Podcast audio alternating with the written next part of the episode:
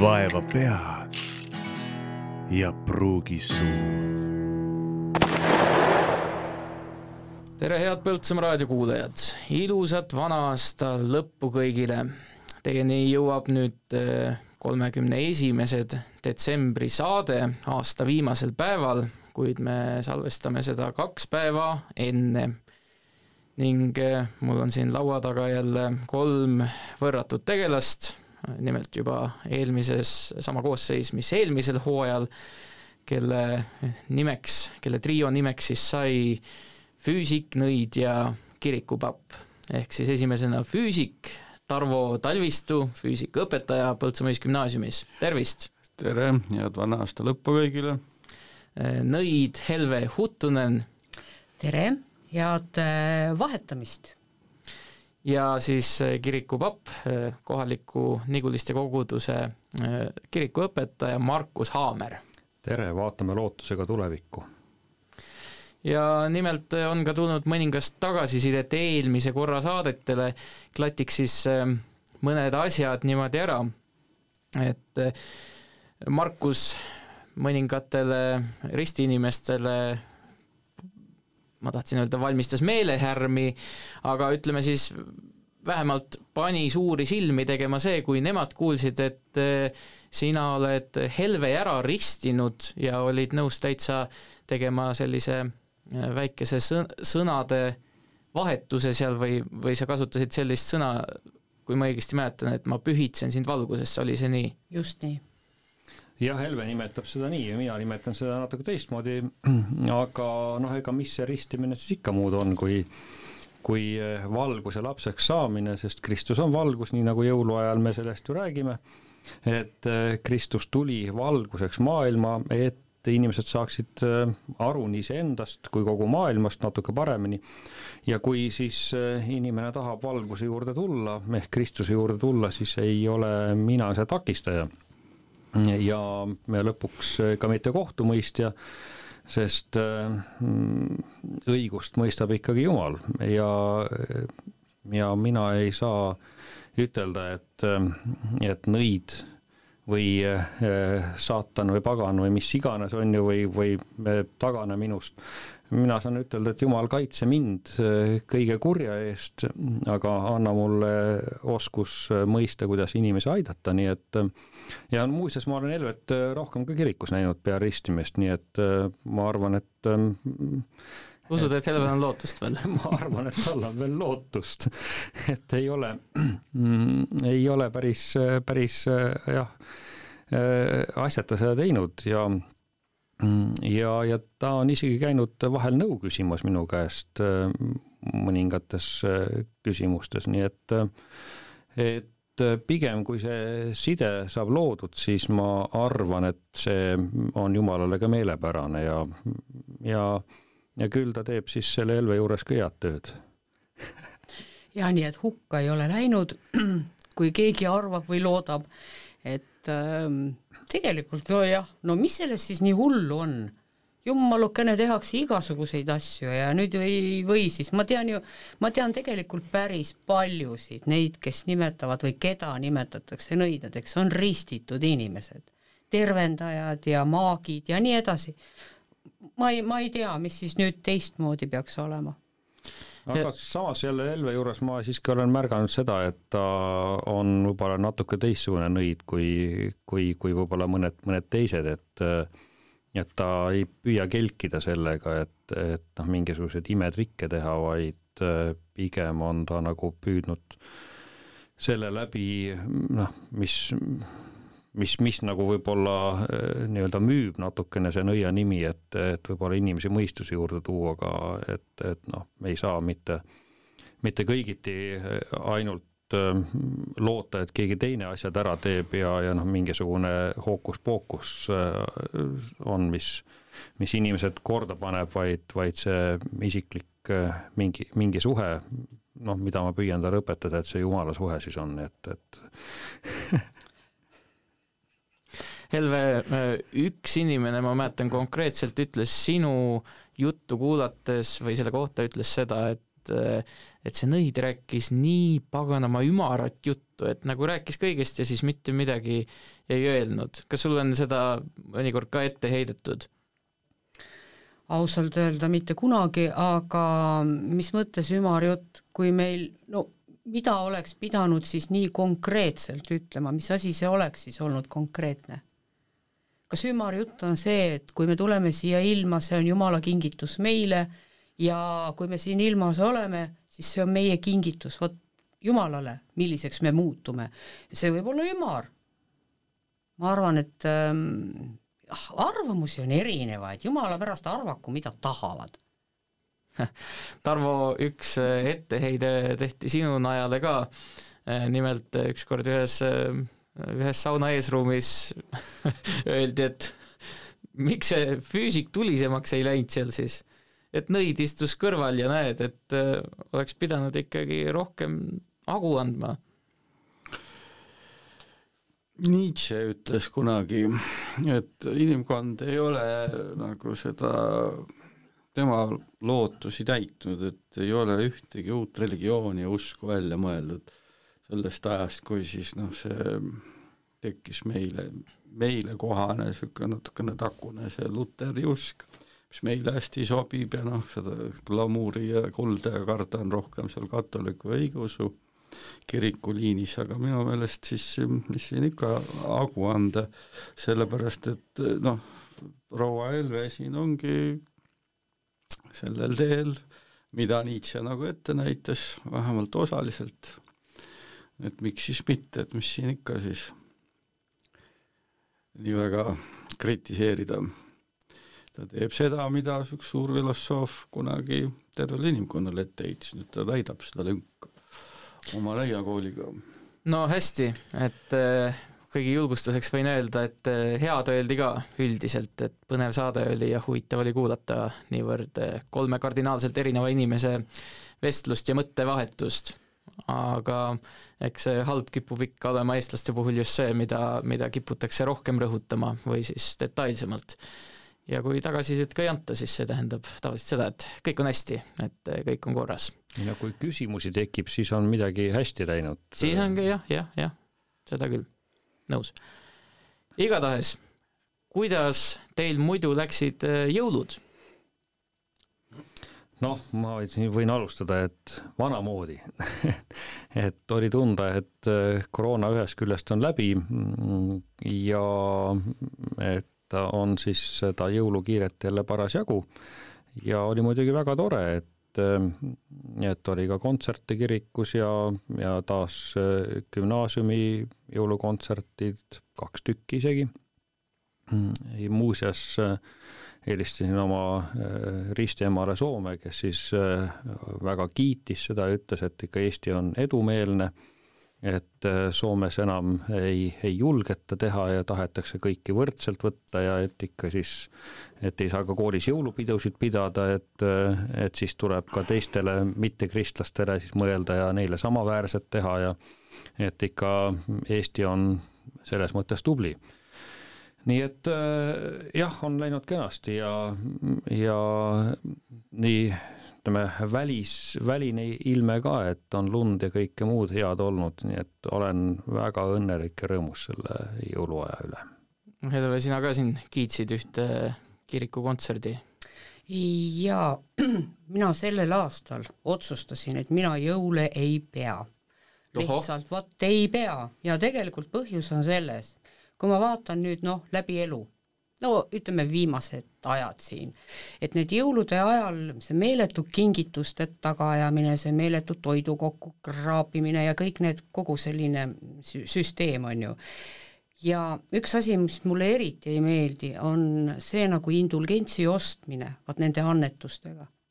annetusi kellelegi, abi kellelegi tuleb anda aasta otsa, aga mitte niimoodi, et on mingi konkreetne aeg aastas ja nüüd nagu kõik tormavad et mina näen seda nagu patukahetsuskirja ostmist kunagi, on ju, kunagi oli ju niimoodi.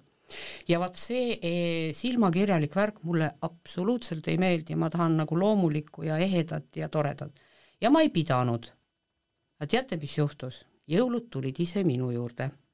mul on nii toredaid äh, kohtumisi, toredaid inimesi, kellega sai nagu sellel perioodil kokku ja ühesõnaga väga, väga ilus oli see aeg. ja tänasin õnne seda mõtte, noh, oma mõtet, et ma tõesti, ma ei pea. aga näed, tulevad ise ja loomulikul ehedal ja ilusal moel. nii et ma olen väga rahul selle ajaga. no aga see siis ongi nagu õigem, et et mitte sa ise paaniliselt ei otsinud seda jõule, vaid jõulud tulid sinu juurde. väga hea. Tarvo, mida siis jõulud sinu jaoks tähendavad? noh, ka sellist traditsioonilist, mis siin Eestis on pärast seda, kui see Nõukogude võim ära kadus, minu meelest äh, äh, jälle eluõiguse tagasi saanud, need kirikus käimise äh, traditsioonid, mis siin Põltsamaale koolil on, need on väga head, kontsert on väga hea, teenistus on väga hea. ja, ja noh, see nüüd ähm, mis isiklikus elus on, siis noh, ikka väike laud ja niisugused väikesed meelespidamised, noh, ma ei ütleks, et ta nüüd nii kommertslik või midagi on, et see, seda asja peab mõistusega võtma, ei pea ju kuhjama siis, kui ei ole ja ja, ja noh, see eks muidugi need reklaamid on jah, mis kutsuvad inimesi ostma, aga noh no aga kommerts käib asja juurde iga asja juurde. aru saama, et noh, et seal selle reklaami taga on ka inimesed ja pered, kes siis püüavad seal oma tööd teha ja aga noh, nii ta on lihtsalt kujunenud, et ikkagi peab ise inimene mõtlema, et mida ta siis endale lubada saab ja mida teha saab, aga muidugi sellest, mis seal Soomes on, on kahju. sellepärast, et see, mis Soomes ja noh, mujal on see suur võrdsuse taotlus, see tegelikult on olnud juba seitsmeteistkümnenda aasta revolutsioonisel Venemaal, ei jõutud mitte kui kuhugi ja, ja noh, nüüd millegipärast siis seal kuskil äh, lääne pool või kuskil nüüd Soome on põhja pool, eks ole, püütakse siis nüüd seda nagu uuesti mingisuguses teises kastmes. aga noh, ega, ega see ka ei jõua kusagile. ja kui sellest sallivusest räägitakse, siis noh, kui ollakse sallivad, siis las ühed teevad siis kirikus oma kombetalitust ära, kes ei taha sinna minna, ärgu siis mingu, eks ole noh, siis võib-olla on nendel keegi, kes neile seal midagi teeb ja ja kui on niisugune rikastavad kultuurid, siis võivad ju vastastikku käia kuskil vaatamas. et eh, kui siin eh, on juba leidnud praktilist kinnitust, et midagi ei juhtu kirikus, ükskõik, kes seal siis niimoodi jumala juurde juhatatakse, siis ei juhtu ka nende teiste äh, tõekspidamiste ja uskudega inimestega midagi, kui nad seal kirikust jõulude ajal läbi astuvad ja, ja sellest kontserdist osa saavad. üks selline hea ütelus on, et ka kanalas käimine kanaks ei tee, on ju, et noh, et ega kirikus käimine ka pühaks ei tee, nii et mm, et aga kindlasti eks see isiklik mõte, mis, mis siis lõpuks äh, asju muudab ja arusaam, et inimeseks olemiseks kindlasti on üks äh, inimese põhiväärtuseid äh, tunnetada ja mõista, mis see inimene või kes see inimene on. kirikus oli üks selline huvitav kogemus mul sellel aastal sügisel, oli üks kontsert, ma käisin seda kuulamas, istusin üksi selle pika pingi peal. Ja panin silmad kinni, lihtsalt kuulad. Ja tunnen, keegi puudutab siit kätt vaatan, kõrval ei ole kedagi, ees ei ole kedagi, taga inimesed on noh, nagu nõjatunud vastu seda seljatuge, olid kaugel. mõtle, mis asi see on, reaalselt keegi paneb käe mulle siia käe peale. ja, ja siis kuulen, et see oli jumalik puudutus. nii et palun väga, isegi nõiad saavad jumaliku puudutuse, no kuulge, ärge siis peljake jumala pärast, on ju. ei juhtu mitte midagi selle kirikuga siin no vot, püha vaimu puudutus või kuidas see on? Go, go, tell it on the mountain, over the hills and everywhere. Go, go, tell it on the mountain that Jesus Christ is born. While shepherds kept their watching, or silent flocks by night, behold out the heavens. Oh, it shone a holy night. Oh, go, go, tell it on the mountain, over the hills and everywhere. Go, go, tell it on the mountain that Jesus Christ is born. The shepherds feared and trembled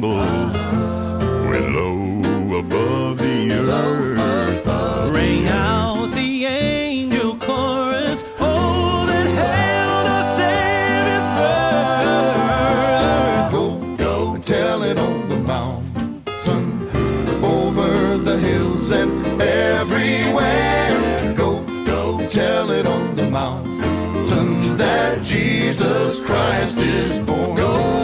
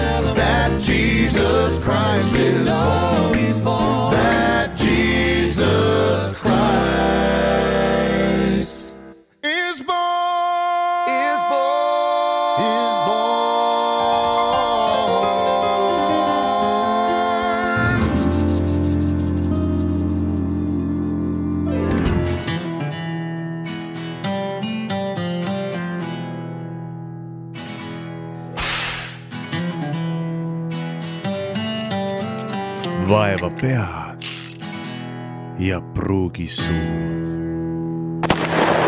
see on huvitav, kusjuures ma üritasin seekord äh, nagu lahti mõtestada või noh, keegi küsis mult, et mis see seda jõulutunnet tekitab.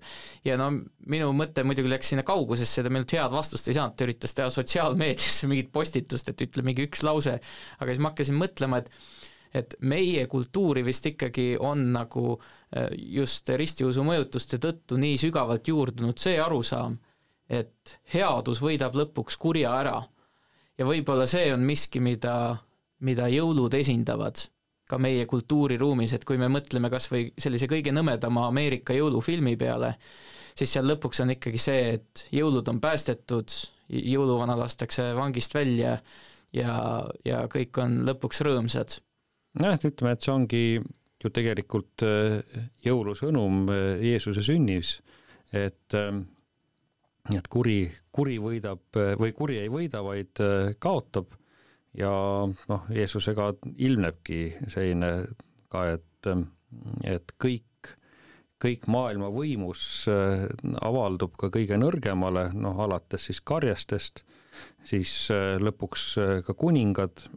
Ja, ja, ja kui me mõtleme siis ka jõuludega seonduvalt Jeesuse ristiülemisele, ülestõusmisele, noh siis, siis me näeme seda, et, et see, kuidas see maailma, maailma nii-öelda selline puudulikkus saab ületatud, kus siis see maailma mõte ja, ja jumalik mõte nii-öelda kokku saavad, nii et noh, põhimõtteliselt, et see, mida nii-öelda nagu ilmalikus maailmas esitatakse kõige selle jõulu juures, on noh, täielikult kristlik, kristlik mõte ja alus, nii et ei peaks olema mitte mingisugust sellist mm, ebakõla ka Kristuse tunnistamisel jõulude ajal. et, et see tuum on nagu sama, aga noh, mingit sellist vormi muudetakse.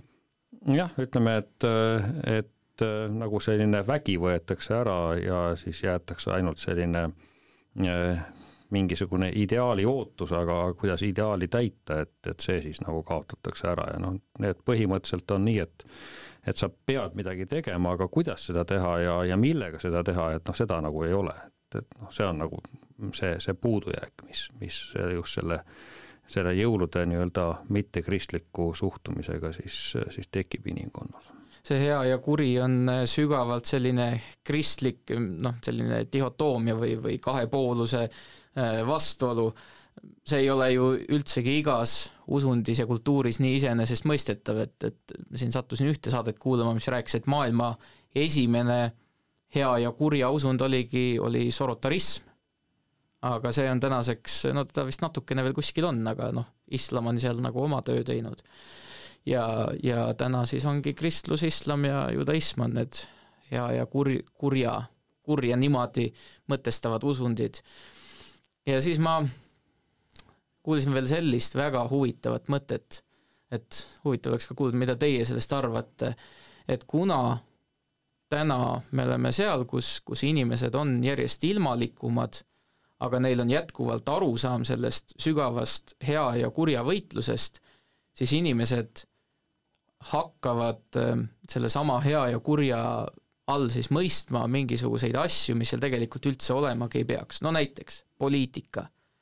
ei ole niimoodi, et see teine inimene, kes mul vastas on, et tal on lihtsalt teistsugune maailmavaade, teistsugune poliitiline arvamus, vaid et tema ongi see täielik kurjuse kehastus ja kurjuse esindaja ja mina siis esindan nagu headuse jõude. et selline jumal versus saatan, äh, selline vastuseis pannakse siis äh, hoopis nagu teise konteksti, hakataksegi siis seda poliitikat niimoodi võtma. kõigepealt tuleb selgeks teha, mis asi on kurjus. ega need, kes mitte midagi ei taipa, need lahmivadki kogu aeg, topivad kõik ühe sõna taha, teadmata ja aru saamata, mis see on. see on sama hea nagu süü ja vastutus. Need on kaks erinevat asja, aga kui palju me kogu aeg kuuleme, sa pead vastutama, aga ma ei ole süüdi no keegi ei ütle, et sa süüdi oled, sa, sa pead vastutama oma tegude eest, on ju. aga süü ja vastutus on ühes pajas, täpselt samamoodi kurjuse taha pannakse kõik, mis endale ei meeldi. nii et tegelikult on see täiesti selline noh, nagu teadmiste puudumine millestki. et natukene süüvida sellesse probleemi, et mis asi see on aga jõulude puhul mina noh jah, pagan või ma ei ole enam pagan, on ju, ma olen nii-öelda arenev sealt juurest aga, aga ma tahan öelda, et eh, nendel loodusrahvastel on ikkagi see jõuluaeg või kogu see maastik, see ajamäärus seal, on valguse võit pimeduse üle. Et see on kõige iidsem ja kõige algsem. et mitte headus ja kurjus, vaid valgus tuleb nüüd rohkem nagu nähtavale ja, ja valgus võidab pimeduse teda võib tõlkida ka niimoodi, et ongi hea võidab kurja. aga hakkabki päev pikemaks minema ju mm. -hmm. noh, aga tegelikult eks see valgus ja, ja pimedus on ka noh, piibellikus mõttes on, ongi nagu selle hea ja kurja väljendid, et kes on valguse lapsed ja kes, kes pimeduse lapsed ja pimeduses tehakse kõik suht kurja ja, ja, aga et... tegelikult igas inimeses on need mõlemad poolused, maailm on tasakaalu eesmärgiga. seega pime ei tähenda kurja, aga kurjus peidab end pimedusse. jah, et, et noh, nüüd siin ütleme, et siin ongi nende sõnade, sõnade mõistmise või, või ütleme, nende, nende piltide mõistmise juures ka noh, ka need kontekstid väga, väga olulised ja nüüd, nüüd kui see ütleme ka kristlikus äh, vaatenurgas siis võtta seda, sedasama, et ka jõulud, Jeesuse tulek on valguse tulek maailma ja valguse võit pimeduse üle, nii et noh, me ütleme samad, samad sõnad, samad mõisted, et, äh, et nüüd see valgus on laiendatud äh, mitte ainult mingit, mingi valgustatuse või, või sellise, sellise päikese suurema käigu üle, nii et et jah, see on, et neid, neid sõnu lihtsalt annab, annab laiendada või mõisteid laiendada, aga selle kristliku äh, hoiakuga, aga sõnum on, sõnum on täpselt sama, et vot see on see huvitav, huvitav nüanss jaa, aga see mõte, mis ma välja käisingi enne, et siis ongi, et see valguse võit pimedusele saabubki niimoodi, et kui me lõpuks saame üle mindud korralikult rohelisele energiale, siis on valguse võit. no näiteks umbes nii oota, mis asi see roheline energia teil on? mis noh, asi see on? et noh, me ütleme, et see, mis sa siin ennem tõesti välja käisid jah, et, et need, need inimeste mõtted siis äh, kujunevad sellised väga-väga omapärased ja, ja no paraku me ei saa inimesi panna, panna väga, väga mõtlema nii noh, mida võime ütelda, et õigesti või valesti, et et eks kujunevad need, need hoiakud, aga selge see, et et kui noh, oleks nagu mingisugune kindlam õpetus või, või ütleme, kindlamad juhised, et, et siis võib-olla need need arusaamad ka mõistetest ja, ja hoiakutest kujuneksid ka selgemad, aga noh, me oleme praegu sellises äh, laialivalguvas maailmas, kus ähm, noh, igalühel oma õigus ja, ja sellega seonduvalt äh, noh, igaüks võibki võtta need, need mõisted ja, ja, ja nendega väga meelevaldselt ringi käia, aga aga noh, ma ei tea, see, kui nüüd äh, poliitikas võtta ja ütelda, et et mina, mina hea ja teine halb, noh, tegelikult poliitika ei ole kunagi hea ega po- poliitika pole halb poliitika on mingi, mingisugune kokkulepe, mida inimesed püüavad teostada, seal me ei saa äh,, ei saa selliseid kriteeriume üldsegi äh, seada. poliitika on räpane egode mäng, mina ütlen küll niimoodi. noh, ma ei nüüd, räägi hea ega kuri, vaid ma ütlen, et räpane egode mäng. noh, kas ta nüüd jah, noh, ütleme, et äh, kui me räpase paneme sinna juurde, siis ei, aga Siis- räpane ei siis- tähenda alati halba, porist jälle. ei no ja vaata, kuidas sina võtad, vot nii nagu sa praegu just rääkisid, vot nii võtagi, on ju, et, et ära klammerdu mingi mõiste taha, vaid mine niimoodi laiemalt ja sügavamalt. jah, et Ümaramalt.. ümaramalt, ei no kuule, ma, ma olen konkreetne nüüd, ma võtsin kriitikat kuulda, ma olen väga konkreetne. aga füüsika ei olegi sõna saanud. noh, see, millest äh, ennem siin juttu, jutt algas, on see, et äh, noh, tüüpiline niisugune poliitika või poliitikute poolt või noh, üldse mitte ainult nende poolt, vaid ka noh, nende poolt siis, kes ei ole poliitikud, mingisugune vaidlus on, siis see on välistatud kolmas ehk väärdihotoomia ehk siis noh, valik on tegelikult palju suurem, aga antakse ette, et kas üks või teine, eks ole, kui sa ei ole osa lahendusest, oled osa probleemist või midagi sellist. no et See- näiteks see oled tüüpiline- vaktsineeritud või ei ole vaktsineeritud see on tüüpiline mm Mhm. -hmm. niisugune noh, loogika ja retoorika viga. seda ei tohiks teha, kui tahetakse mingisugusele noh, tulemusele jõuda, kui noh, inimesed arutlevad. aga noh, kui tahetakse ära panna, siis ikka tehakse seda ka, jah. lihtsalt eh, noh, noh, nii on Aga vaata, Markus, sa ütlesid ka, et äh, et me elame nagu laialivalguvas maailmas nagu moraali mõttes ja üks äh, maru huvitav tähelepanek, mis ma kuulsin äh, jõuludega seoses, on just see, et et vaata, jõuluvana oli ikkagi varem see, kes tuli ja andis ikkagi väga selge moraalse hinnangu, ta tuleb ja küsib, et kas siin majas häid lapsi ka on. Ja kui sa oled paha laps olnud, no siis sa ikka kingitust ei saa. siis ma siis said vitsa, jah, just.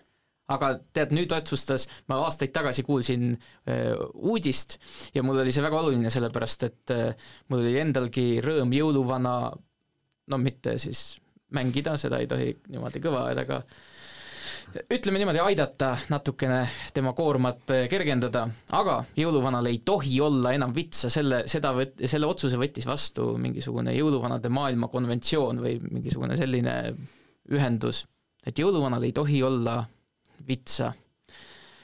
ja et jõuluvana tulebki sinna koju ja noh, ta on mingisugune taat, ta on niisugune, ta, ta, tead, ta ei olegi see, kes tuleb, annab hinnangut, ta on nagu kuller.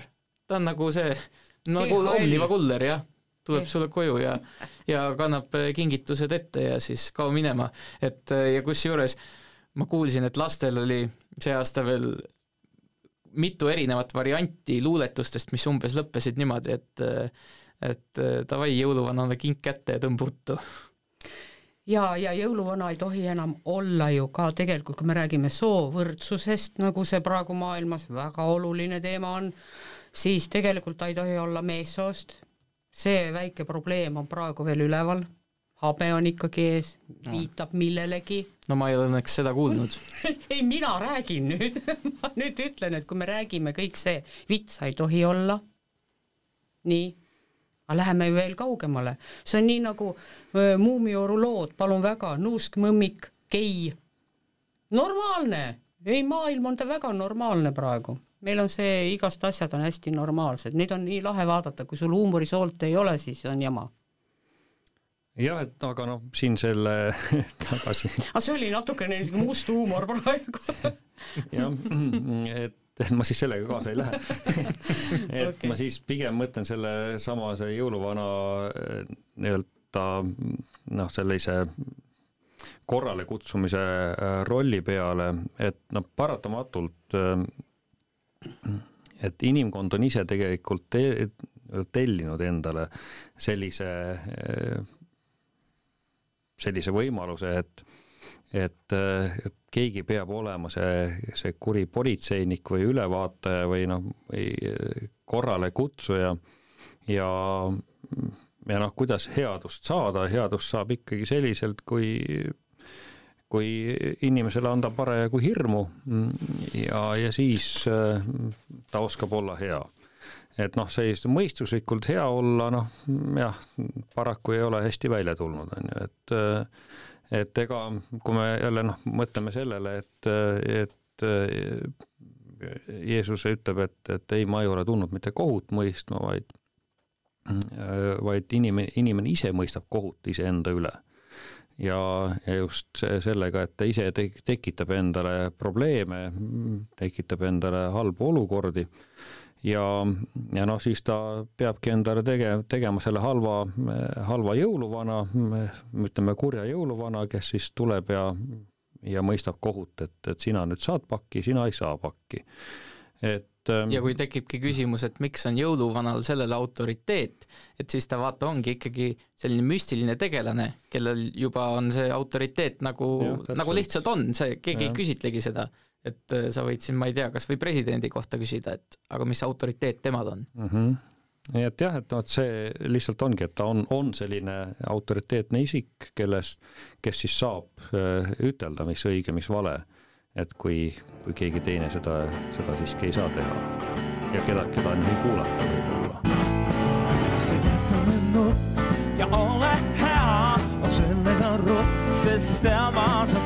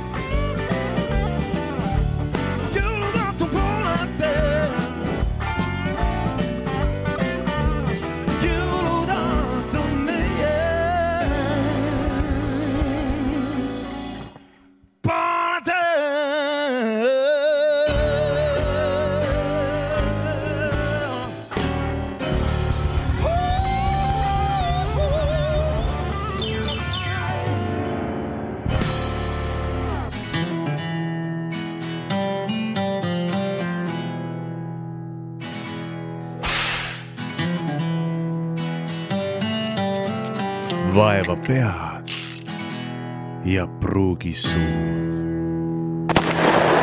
ja vaata, seal ongi nagu teine seos ka sellega, et, et kuidas ise kuskile jõuda, kuidas saada omale vabadust juurde, see ongi see, et sa pead andma mingi osa oma vabadusest ära, no lihtne klišee näide, et äh, selle jaoks, et sul oleks vabadus mängida klaverit väga hästi, sa pead pühendama suure osa oma ajast sellele, et sa harjutad seda klaverit kohusetundlikult mm. -hmm. et inimene nagu ise, kui ta vähegi tahab paremuse poole püüelda, siis ta hakkab juba iseendale reegleid seadma ja hakkab enda jaoks ise ütlema väga kindlalt, et mis on hea, mis on halb.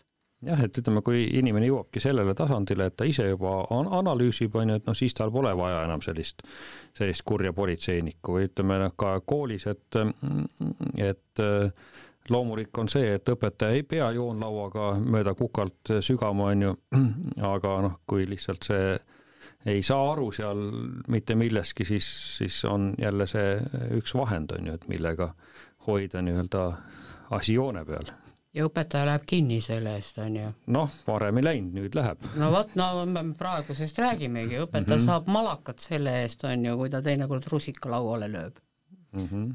ja vaata juba mõned need Vana-Kreeka filosoofid ütlesid seda, et sa ei saa neid väärtusi või, või, või seda õiget või valet ise välja mõelda lambist, vaid sa nagu lähed ja avastad seda. ja seda nad ütlesid ka kõikide teadmiste kohta näiteks, et see ei ole mitte midagi sellist, mida sa nüüd saad teada, vaid see on justkui nagu mingisugune meeldetuletamine, midagi sellist, mida sa avastad ja tuletad meelde, mitte ei mõtle ise välja ja täpselt samamoodi on siis nende noh, reeglitega hea-kuri, eks, kui inimene kas või enda jaoks seda lahti mõtestab. noh jah, kas inimeses on juba hea ja kuri olemas äh, eelnevalt või need kasvavad temasse, et ähm, et mis, mis selles inimeses üldse algselt olemas on või, või kui palju me kasvatame temasse, et eks need on sellised küsimused, millele on suhteliselt raske vastata, et eks ju kõik aeg uuritakse, aga aga, aga ja siis, siis ongi see, et me, et me elu, elu läbi õpime mille läbi, noh, kas siis me saame lihtsalt arukaks mingisuguse, mingisuguste eeskujude näol, nagu siis Jeesuse eeskuju jõuludes on ju, et ja, ja, ja selles, selles sõnumis või, või saame lihtsalt kuidagi teadlikumaks ja targaks, et iseenesest oskame hinnata head-kurja ja, ja teha siis äh, nii-öelda õigeid otsuseid või, või peabki tulema vitsaga jõuluvana, on ju, noh. et see on lihtsalt selle inimeseks kasvamise äh, valu aga kui nüüd vaadata aastat kaks tuhat kakskümmend kaks, oli siin rohkem head või kurja? mis te arvate? kunagi üks inimene küsis minu käest, et, et mida maailmas on rohkem, kas headust või kurjust. noh, mis ma siis kohe nii paugust hakkasin mõtlema seda ja võtsin siis, et kui mis, mis on see kriteerium, mille, mille põhjal ma siis seda hindan ja ja noh, kõik kohe hakkasid mingisugused ajalehe ja, ja tele ja raadiouudised äh, peas ringlema ja mõtlesin, mida ma siis sealt näen. ai, ikka kõik on halb, ma ei tea, ühtegi head uudist ei tea, ei tule silma ette, siis ütlesin, no ikka halba vist on rohkem, vist ei saa niimoodi olla, et et halb ju hävitab, see on ju negatiivne, et, et aga see tähendaks seda, et, et maailm peaks olema nagu hävingus praegu, aga vist ei ole, et peab olema vähemalt viiskümmend üks protsenti peab head olema, et ikkagi natukene läheb paremuse poole. ja siis ma mõtlesin, et aga vist tõesti nii äkki on. Maailmas ei ole head ega kurja rohkem, noh, neid kaaluda, see on minu nägemine, vaid rumalust on liiga palju vot need on asjad, need elementaarsed inimese olemise teadmised, need on puudu nagu noh, või need on kesised, ütleme niimoodi. rumalus on see, mida on palju, aga headus ja kurjus, need on kogu aeg tasakaalus.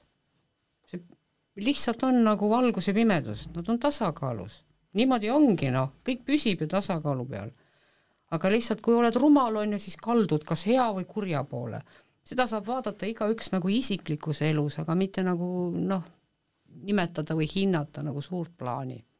mina näen niimoodi. no aga vaatame, mis meil siin aastas siis oli. pandeemia sai läbi, kui paugu pealt. kui president Joe. Biden selle välja kuulutas, siis No. no. sai läbi, noh, ütleme niimoodi, et kui poleks tulnud Vene-Ukraina sõda, oleks pandeemia jumal teab missugune ja piirangud olnud, on ju, niimoodi võttes me võime öelda, et vaadake, kaks, üks oli halb asi ja teine oli hea asi, näitabki tasakaalu, ma ei räägi, et sõda on hea, ei jumala pärast nagu seda mitte, aga ei saa mustvalgelt vaadata maailma. tegelikult tuleb vaadata noh, lihtsalt ta on kogu aeg jama olnud, ütleme niimoodi, läbi erinevate aegade ja ajastute iga põlvkond võib öelda, meil oli keeruline. noh, kus ta siis on, hea või halb või, kumba siis rohkem oli?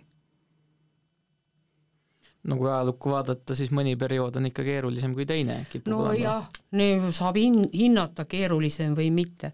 tegelikult need, kui elavad inimesed sellel ajaperioodil, mõnel võib olla väga okidoki. no ei saa ta öelda, eks ju, et ta praegu on kõige hullem. no igast, ikka on kõige hullem aeg nii, nii hullusid noori pole olnud kui praegu ja maailm on ikka täiesti hukka läinud, nii et noh, ei väga õige. jaa, vaat iga kord, iga põlvkond räägib, meie ajal niimoodi ei olnud, eks ju. jah mm, -hmm. noored on hukka läinud, täitsa pekkis omadega. no äh, sa oled nüüd nii tõsine seal nagu võtame natukene huumorit ka jumala pärast. ei, ma, ma hakkasin, ma hakkasin mõtlema, mõtlema selle peale niimoodi, et see, et öeldakse teinekord, no vot mina võin seda nüüd öelda, et võib-olla noored ongi nagu hukas natuke rohkem kui varem, sellepärast et ma olen ise noor ja siis selle peale ei vaata keegi valesti, eks. aga et seda, selle kohta siis öeldakse, näed, alati on iga põlvkond seda öelnud, aga, aga selle väitega, et sa ütled, et iga põlvkond on öelnud, et see on mingisugune iidne tõde, mida kogu aeg korratakse, ei selle- ole, see on hoiak nagu- ja suhtumine, kuidas? see on hoiak ja suhtumine, mitte tõde. ahah siin ei ole tõega mitte mingit pistmist. noh, eks põhimõtteliselt ongi ja noored noh, ongi hukas, sellepärast et nad ei ole nii arenenud nagu, nagu juba noh, elatanud inimesed, kellel on ikka ajaloolist kogemust, tal on elukogemust ja, ja noh, ta püüab nagu õppida seda elu tundma veel. noh, vaidlen vastu, no, no okei okay,, vaidle siis. vaidlen. on üks väga hea vanasõna, habeme pikkus ei määra aru pikkust. ja see tähendab seda, et tegelikult va-, seepärast, et keegi on nüüd eakas, mina räägin oma praktika pealt, mida ma näen. vanus ei määra mitte midagi. noored võivad olla ja ongi tegelikult mitu korda arukamad ja targemad, kui nad saavad olla nii, nagu nad on aga täiskasvanud, anna andeks, teinekord mul jääb karp lahti, viie-kuuekümne aastane ajab nii lolli juttu, et mul No. on piinlik, vabandust väga, ei saa vanusega määrata ei seda nagu. ta, ta pole täiskasvanuks saanud veel siis. Et no ega- millal? millal, ütle mulle palun, millal saadakse täiskasvanuks, viie, viiekümnesena ei ole, sajaaastasena või, mõni ei elagi nii kaua ju, jah, vot vanus ei määra täisku-, täiskasvanuks saamist. et äh, täiskasvanuks saamist äh, määrab hoopis äh, nüüd kriitikataluvus ja, ja areng. osata mõista äh, maailma ja seda maailmapilti, et noh, et, et ka see, et kuidas äh, jah, tõepoolest, et, et mõni ei saagi kunagi täiskasvanuks. ja neid on rohkem, kui me arvame, tegelikult teate, viie-kuuekümne aastane puberteet on kõige jubedam nähtus Mm.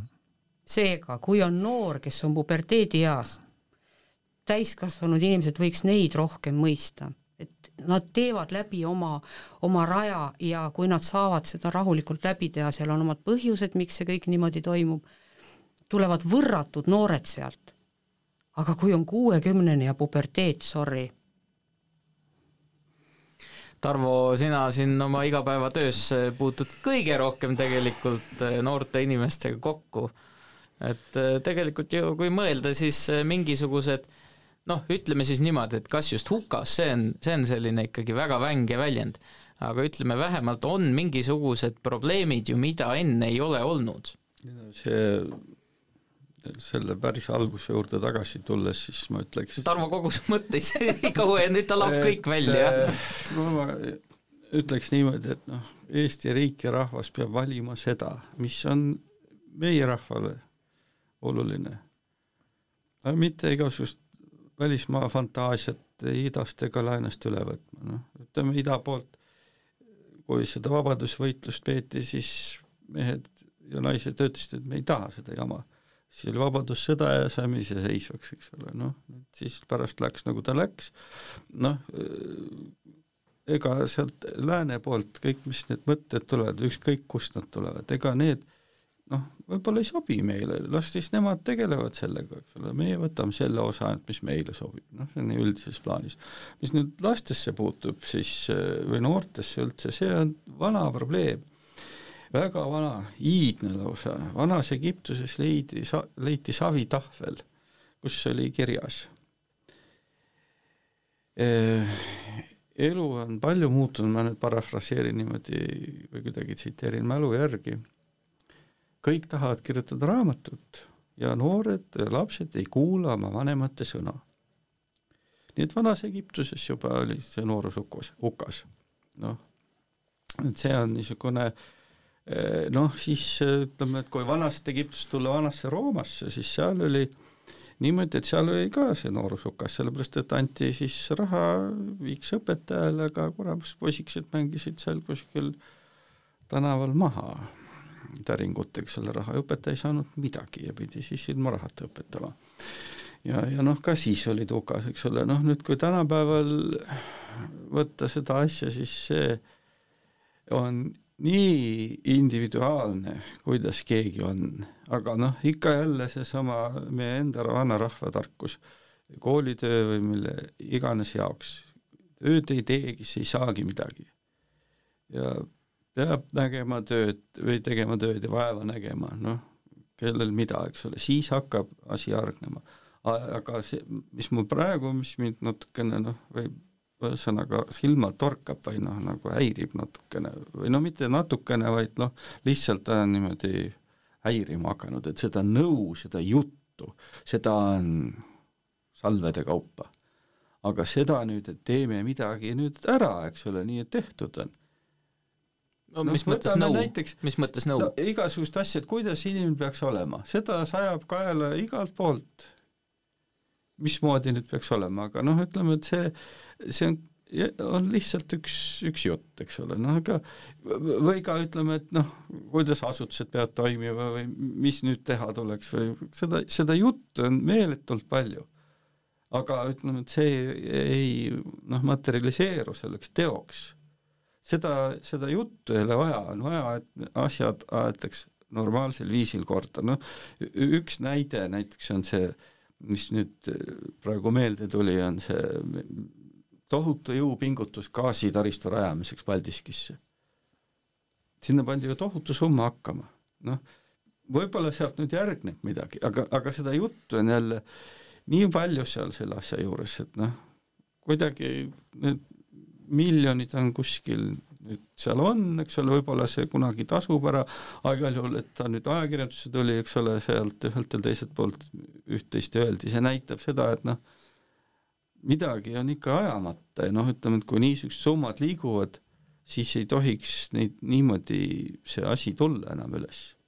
et noh, nüüd niimoodi räägiti, nagu ajakirjanduses räägiti, eks ole, vot, vot see koht, eks ole, ja noh, nüüd mis nendesse noortesse puutub, siis noh, ega seal noh,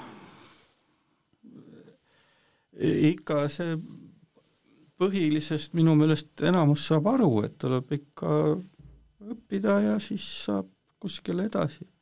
no mõni, mõnel on siis nii, et noh, millistes oludes ta seda kõike tegema peab, mis temast siis, mismoodi temal need lahendused siis on, eks ole, enda jaoks võimalikud, noh, ja ka siis paraku ta seal klassis on ka teiste jaoks, eks ole, see tuleb paratamatult sealt kaasa, noh, et see on nüüd jälle niisugune probleem, mis mida siis nüüd äh, see koolisüsteem püüab oma kõige parema tarkuse järgi lahendada, aga noh, see ilmselt ei pruugi ju alati välja tulla, noh, mis siis äh, kajastub ka näiteks selles, et ega neid õpetajaid enam ei ole.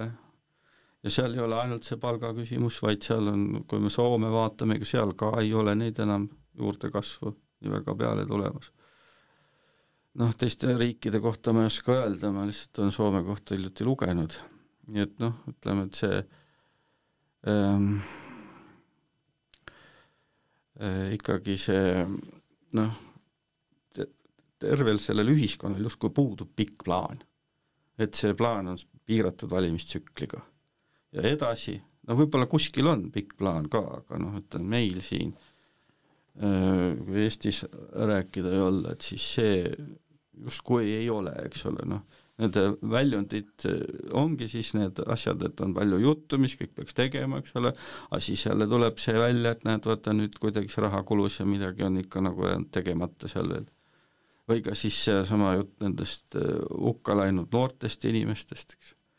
aga noh, see nüüd, et ja, ja see on noh, ega ongi see rumalus. ei noh, tähendab, küsimus ei, ei, ei, ole ka selles, vaid eh, noh, see on nagu lihtsalt liiga lihtne seisukoht, et lihtsalt öelda rumal.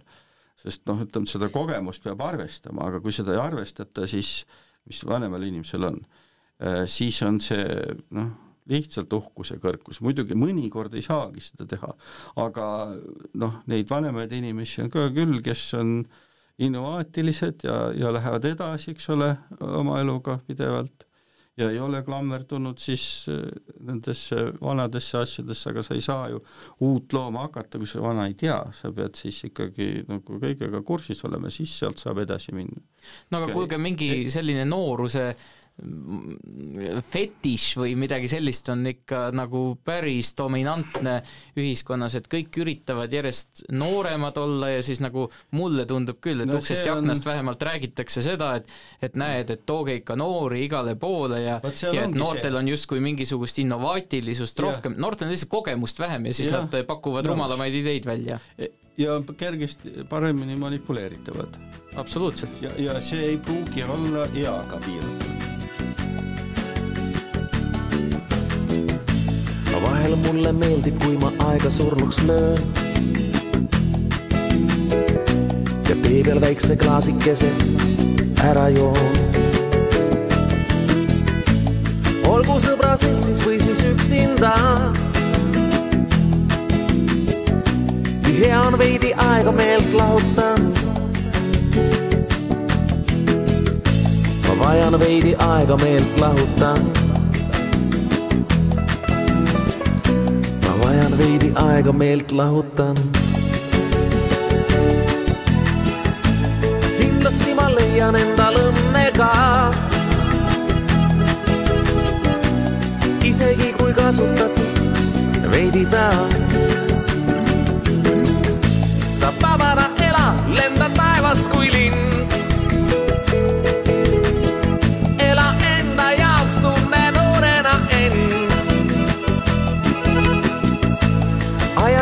Ajad seljas irgutuka viltu lööd.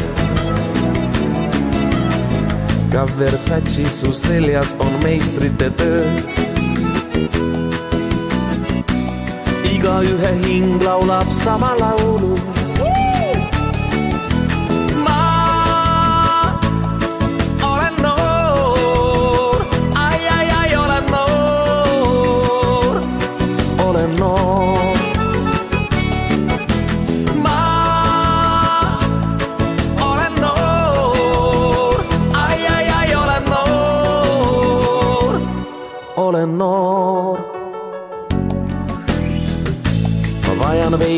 Aega meelt lahutan. ma vajan veidi aega meelt lahutan. kindlasti ma leian endal õnne ka isegi kui kasutatud veidi ta. sa vabana ela, lenda taevas kui lind.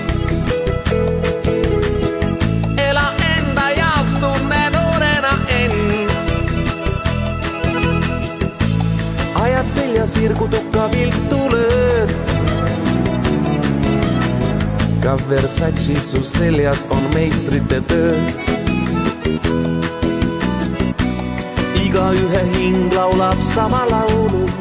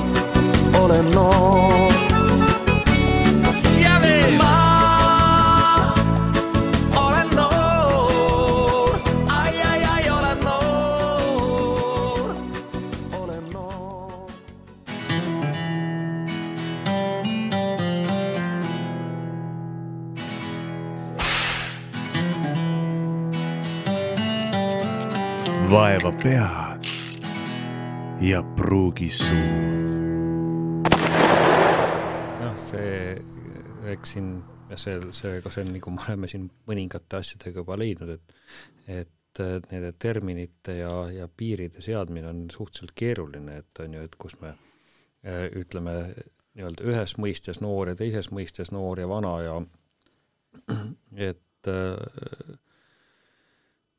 et äh, noh, siin siis võime ütelda, et see noorus ja vanadus on, on ikkagi paratamatult mingil moel kogemusega ja, ja sellise sisemise väärtuse kasvamisega seotud, et ähm, noh, nii nagu kogu elu tegelikult ikkagi on sellise sisemise inimese, inimesega seotud ja, ja me ei saa ainult seda välist vaadata, nii et, et kindlasti hindame võib-olla mõningaid noori natukene praegu praegu raskelt, et kui ütleme, et noorus hukas või või üleüldiselt on ju, et et äh, aga noh, jah, ja teisest küljest, et kui vanadele äh, vanadele jälle väga, väga suure au omistame, et ega nad ei ole ka kõik väga arukad. aga äh, et küsimus ikkagi just, kuidas see inimene sisemiselt kasvab ja noh, minu arvates see käesolev aasta on, on ka näidanud või üldse tegelikult need kolm aastat on näidanud seda, et et äh, selles maailmas on ikkagi noh, mitteinimlikud väärtused väga kõrgel, kõrgel positsioonil, sest noh, koroona, kui palju inimene sai sinna vahele sekkuda, no kuidas see tekkis, ega me lõpuks ei tea. mis tähendab mitteinimlikud väärtused? noh, ütleme sellised, et, et kus inimene mõjutab äh, seda maailma, et ta nüüd jah, võib-olla ma ütlesin natuke valesti, et et siis inimesest sõltumatud mis, et inimene ei saa sõ, nagu muuta seda maailma või, või siis seda, sellesse maailma sekkuda. aa no et põhimõtteliselt, et inimene ei ole loodusest üle. just, jah. Mhm. ja, ja et noh, koroonaga seonduvalt tuli haigus või mingisugune pisik, see oli väga ilusti inimese tehtud noh, me ei tea lõpuks. arvad? no aga... ma ei arva, vaid äh, selle kohta on ju tegelikult ka noh, erineval moel on läbi tõesti teadlaste, ma ei räägi siin mingisugune nurgas kuskil keegi arvab, vaid äh, teadlaste kaudu on tulnud see, et reaalselt on tehtud, loodud, aga ta ei ole esimene viirus seda maailmas on veel ju, mida on katsetatud, proovitud ja nüüd me ütleme, et inimene ei muuda maailma, muutis küll, vaadake, kui palju ta muutis, on ju. oli see siis hea või halb? Need koroonaviiruseid on seal ida pool riikides ju pidevalt olnud. ja, ja, aga ja mis sellesse koroonasse puutub, mis siis nüüd tuli, seda uuriti, aga mitte kui mingisugust relva. ja kui noh, see jäi, on ka tõestamata, et kas ta sealt laborist siis nüüd pääses välja või mitte, aga noh, ütleme, et sealkandis, kus on siis nüüd Hiina ja Jaapan ja, ja Vietnam ja see Taiwan, seal on kogu aeg koroonaviirust erinevaid vorme olnud. Mhm. jah, aga pan-, millegipärast ei ole pandeemiaks ju kuulutatud, aga meil oli aga neil on kohe läks- olnud ka pandeemiad seal, ei no meil, meil läks seal lollis no, ära see aga ütleme, et siin noh, laiemat levikut. siin eks, eks noh, hea küll, kuidas, kuidas tekkis ja mis, mismoodi see asi kõik oli, aga kui, kuidas ta mõjutas äkitselt maailma, et noh, milline see maailm hetkel on, et nii nagu sa, Tarvo, ütlesidki, et on neid pandeemiaid olnud, noh, tegelikult varasemalt on veelgi olnud. Hispaania gripp näiteks peale esimest maailmasõda jah, ja noh, kas või on katk siin ja, ja mis, mis iganes tuhat seitsmesajandal äh, alguses mitu Mm. korda veel. just ja et, et aga, et noh, ikkagi see oli praegu selles mõttes äh, nii-öelda uue, uus kogemus, et äh, nagu teadvustamaks äh, praegust maailma, et kus me, kus me oleme, et me oleme ikkagi täiesti ühises maailmas, ükstapuha, on see siis Hiina või, või on see siin, siin paikkond. Ja, ja, ja nüüd pani tegelikult mõtlema sellele, et et maakera on ümmargune. maakera on ümmargune ja, ja põhiliselt me, me vastutame, tähendab mina, mina vastutan või, või üks isik vastutab ikkagi terve maailma eest. võib-olla varem ei ole selle peale niimoodi mõeldud ja, ja noh, ütleme sellise üksikisiku või, või noh, ütleme inimese inimese rolli üle eh, ka selles, selles maailmas ja teine asi noh ka, et see sõja, sõjateema, no jälle nagu üks inimene läheb segaseks eh, ja, ja siis eh, kuidas ta muudab selle maailma, aga noh, samas jälle näeme, kui palju on lollusi teinud, on ju siis need, need teised Euroopa suurriigid, kuidas on ennast sidunud eh, siis selle selle nii-öelda vale, vale suunaga ja, ja on mõtelnud, et neil on pikk plaan olemas, noh siin, kui meil oli sellest pikast plaanist juttu, mida, mida tegelikult ei ole, siis, siis noh, siis ega tõepoolest tundub, et selles maailmas nagu pikka plaani ei, ei ole, et, et ka kui, kui nüüd see oli kas kuidagi siis seal tekitatud, tekitatud viirus, siis küsimus, et, et no mis oli selle pikk plaan, siis selle, selle viiruse tekitamise pikk plaan? panna inimesed kõik enda järgi jooksma ja Ei tegema olnud, asju nii, nagu see- on vaja. Aga pole mõtet ju, kus sul kõik ära surevad. see, see, ei, vot just nimelt, et ei sure ära, selle jaoks oli kohe vaktsiin, on ju, Ah. millega pikendada piina. kohe, kohe vaktsiini ei olnud ikkagi. no okei, kui okei, kuule. see nii palju neid traagilisi juhtumeid selle viirusega seoses ei oleks, siis see jutt on lihtsalt noh, niisugune jõuluhuumor. Aga see vaktsiin loomulikult aitas ja kui ta niimoodi äkki kaela tuli, siis kõik proovisid midagi ja tuli ka midagi välja, midagi ka aitas, ei saa öelda nüüd, et see vaktsiin siin mingisuguseid kannatusi põhjend-, muidugi juhtus jah, neid asju ka, aga noh, ega no mis asja sa oskad teha, aga igal juhul sellele teadlased suutsid reageerida, ikkagi see vaktsineerimine aitas ja aitab edasi veel. nii et äh, siin trallala, jah, et äh, see, mis ma tahtsin öelda selle pika plaani kohta, oli veel see, et vot selle pika plaani puhul kiputakse nagu siin nüüd see sõdagi tuli ju välja tooma ainult seda positiivset pidevalt. ja see, mis negatiivne on, see lükati kõrvale. noh, ütleme meie poliitikute variandis siis on see nüüd nii, et noh, vahest ütlevad, et noh, me ei rõhuta seda enam, aga noh, ikkagi asi on selge, et me ju ütlesime, eks ole, et nii võib minna. ja noh, paraku nii ka läks nii et noh, seda positiivset ainult äh, välja tuues võib seda juhtuda. et äh, noh, need teised variandid jäetakse kõrvale ja siis millised?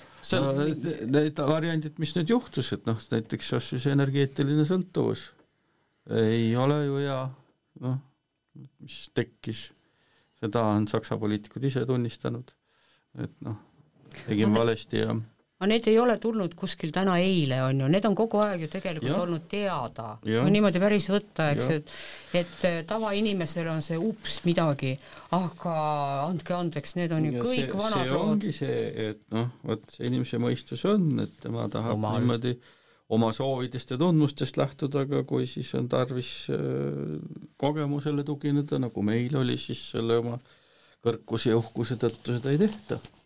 Ja vot siis ongi niimoodi, et pikk plaan läheb vett vedama. nojah, aga kui ongi pikalt olnud rahu ja on heaolu, siis tead, saabki igasuguseid jah. ilu-liluga tegeleda, igasuguseid teooriaid välja mõelda, siin teine päev käis äh, Jõgeva Kaitseliidu äh, pealik, kolonelleitnant Tõnis Metjer käis siin saates äh, ja äh, mees, kes on siis kaks korda käinud Afganistanis missioonil, mehi seal juhtinud, ja temaga siin muigasime selle peale, et näed, enne seda sõda oli ikka kõva, räägiti sellist juttu, et noh, tead, peaks minema palgaarmeele üle ja ajateenistuse üldse ära kaotama, et see, et saame hakkama ja et tänapäeval üldse ei sõdita sul enam äh, Kalašnikoviga kaevikus, vaid äh, kõik käib kuskil arvuti teel, aga näed, tuleb mingisugune kriis ja see kuidagi raputab, raputab läbi inimesed, iga selline kriis ja toob justkui nagu kahe jalaga maa peale tagasi, vähemalt osaliselt. no ütlen, et kui oleks ikkagi neid meie enda Eesti poliitikuid seal Euroopas kuulatud varem, siis ei oleks kedagi vaja olnud hakata siin raputama, aga noh, näed, ei kuulatud.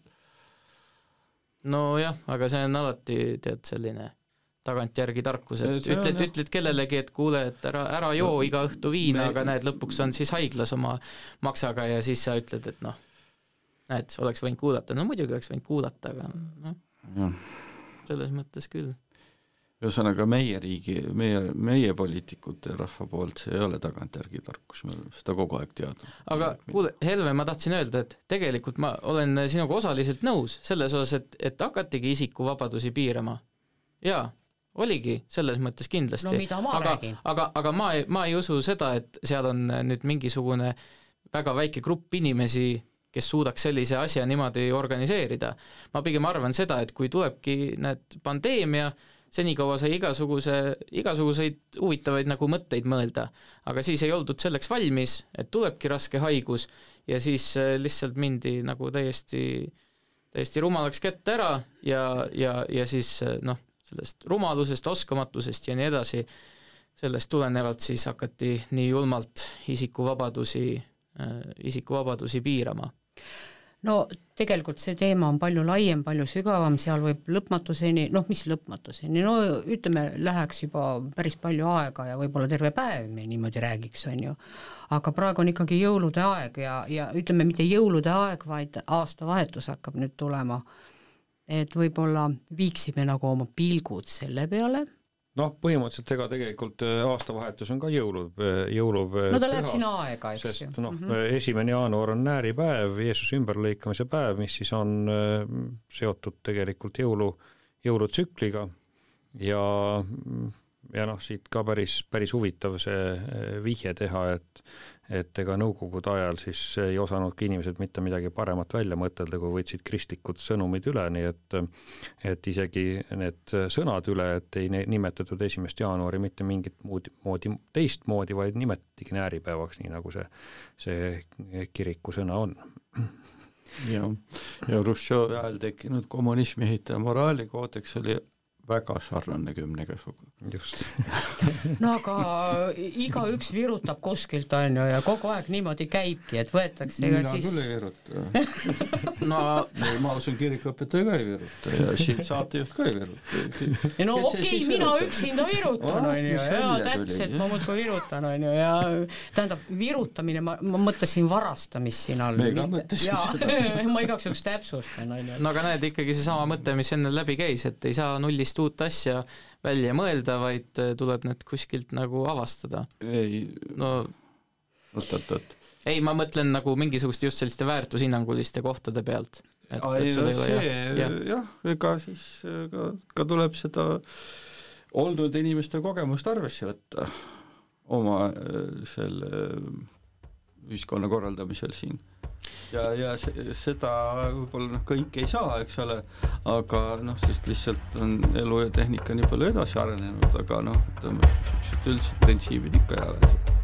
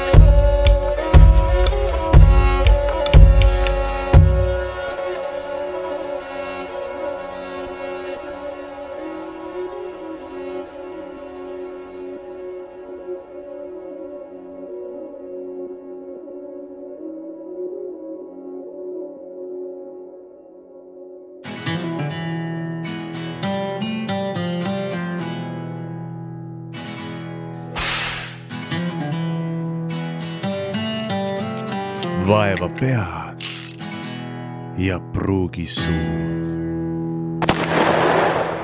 pöörame, pöörame pilgu tulevikku, noh kuigi tulevikust ei saa ka mida Rääkida- toob aasta kaks tuhat kakskümmend kolm? tule, tule sa ütlesid seda palju paremini kui mina, mina tahtsin öelda, et tulevikust ei saa ka rääkida ilma mineviku ja ja, ja minevikust ja olevikust rääkimata, sest need on eh, paratamatult üksteisega seotud. Aga ma viskan siis siia keskele sellise, näed, provokatiivse, kelle jaoks kuivõrd provokatiivse eh, tuleviku sellise käsitluse siis, et näed, võtsin sellise asja lahti siit Kroonikast ja, ja olen täitsa siin tellija, saan täis artiklit lugeda, sellel Ekspress Grupi tellija. Ilona Kaldre aasta horoskoop. no näed, ja siis ta kirjutab siin iga tähemärgi kohta näiteks kirjutab, mis äh, palju tal sinu neid tähemärke seal on? kaks tuhat kakskümmend kolm, palju, palju tähemärke on või? noh, sa tahad, et ma loeksin kokku, mis su, mis su, mis su mõte on? no jah, aga tegelikult ajus on neid kolmteist mm. -hmm., maakandja on puudu, nii et noh, ühesõnaga juba Jah. see viitab sellele, et maksa puudujääkidele seda. asja väga tõsiselt seal võtta. ja on üldiselt kahenädalases nihkes. aa, Elve, oled nõus sellega Mhm. uh? -huh. ja näed, Ilona Kaldri ütlebki, et Hiina horoskoobi järgi algab jäneseaasta. vot sellised lood, Ilona Kaldri siis äh, sain teada, et võitis Baltimaade selgeltnägijate tuleproovi. Helve, kas sina ka sellise, sellise ennustamisega tegeled? Eh, ei, ma ei tegele niimoodi, et noh, nagu need tähemärgid või, või no nii nagu, nagu paljud, vaid eh, mul tuleb, kuidas ma seda ütlen, tuleb niisugune tunnetus, tuleb niisugune nägemus ja ja need on eh, kurb küll öelda, aga üldiselt on mul täppi läinud nende aastate kohta. sest eelmine aasta ma ütlesin ka, et tuleb sõda see aasta, mida ei tahetud kuulda võtta mõnes kohas, aga tuli. ja tuleb mingi kindel konkreetne nägemus, teadmine, see on enda sees. Ja see ei puuduta eraldi tähemärke, vaid võtab kuidagi nagu suuremalt ja laiemalt haarab. et ma ei saa end panna ennustajatega ühte, ühte patta, ma, ma ma ei võta endale seda tiitlit, et ma olen nüüd mingisugune tohutu tuleviku ennustaja. lihtsalt ma saan rääkida, mida mulle näidata. on sul keegi, keda sa jälgid, sa eelmine kord vist mainisid ka, et sul on keegi, keda sa pead nagu autoriteediks selles osas siis? tead, kusjuures ma, ma tean, et on näiteks Paukson on, on tõesti selline, kes, keda ma hea meelega kuulan, sest ta loeb neid tähemärke, ta, ta paneb nende planeetidega, vaata kogu see, kogu see astronoomia, astroloogia ja nii edasi. küsin vahel, kas see Pauks on lemmikloomadele ka horoskoope teeb vahepeal ta reklaamis, aga siis on ära kadunud just. vot ei tea, teate, kallid inimesed, Meriseale leina anda või midagi. Mis asi? porgandit porgandid kellele? Meriseale, meriseale. aga mis siin ennustamine no on? ma ei tea, no võib-olla on siis millal anda, millal mitte. ei, ma, ma, Nagu ma, ma ei oska niimoodi öelda.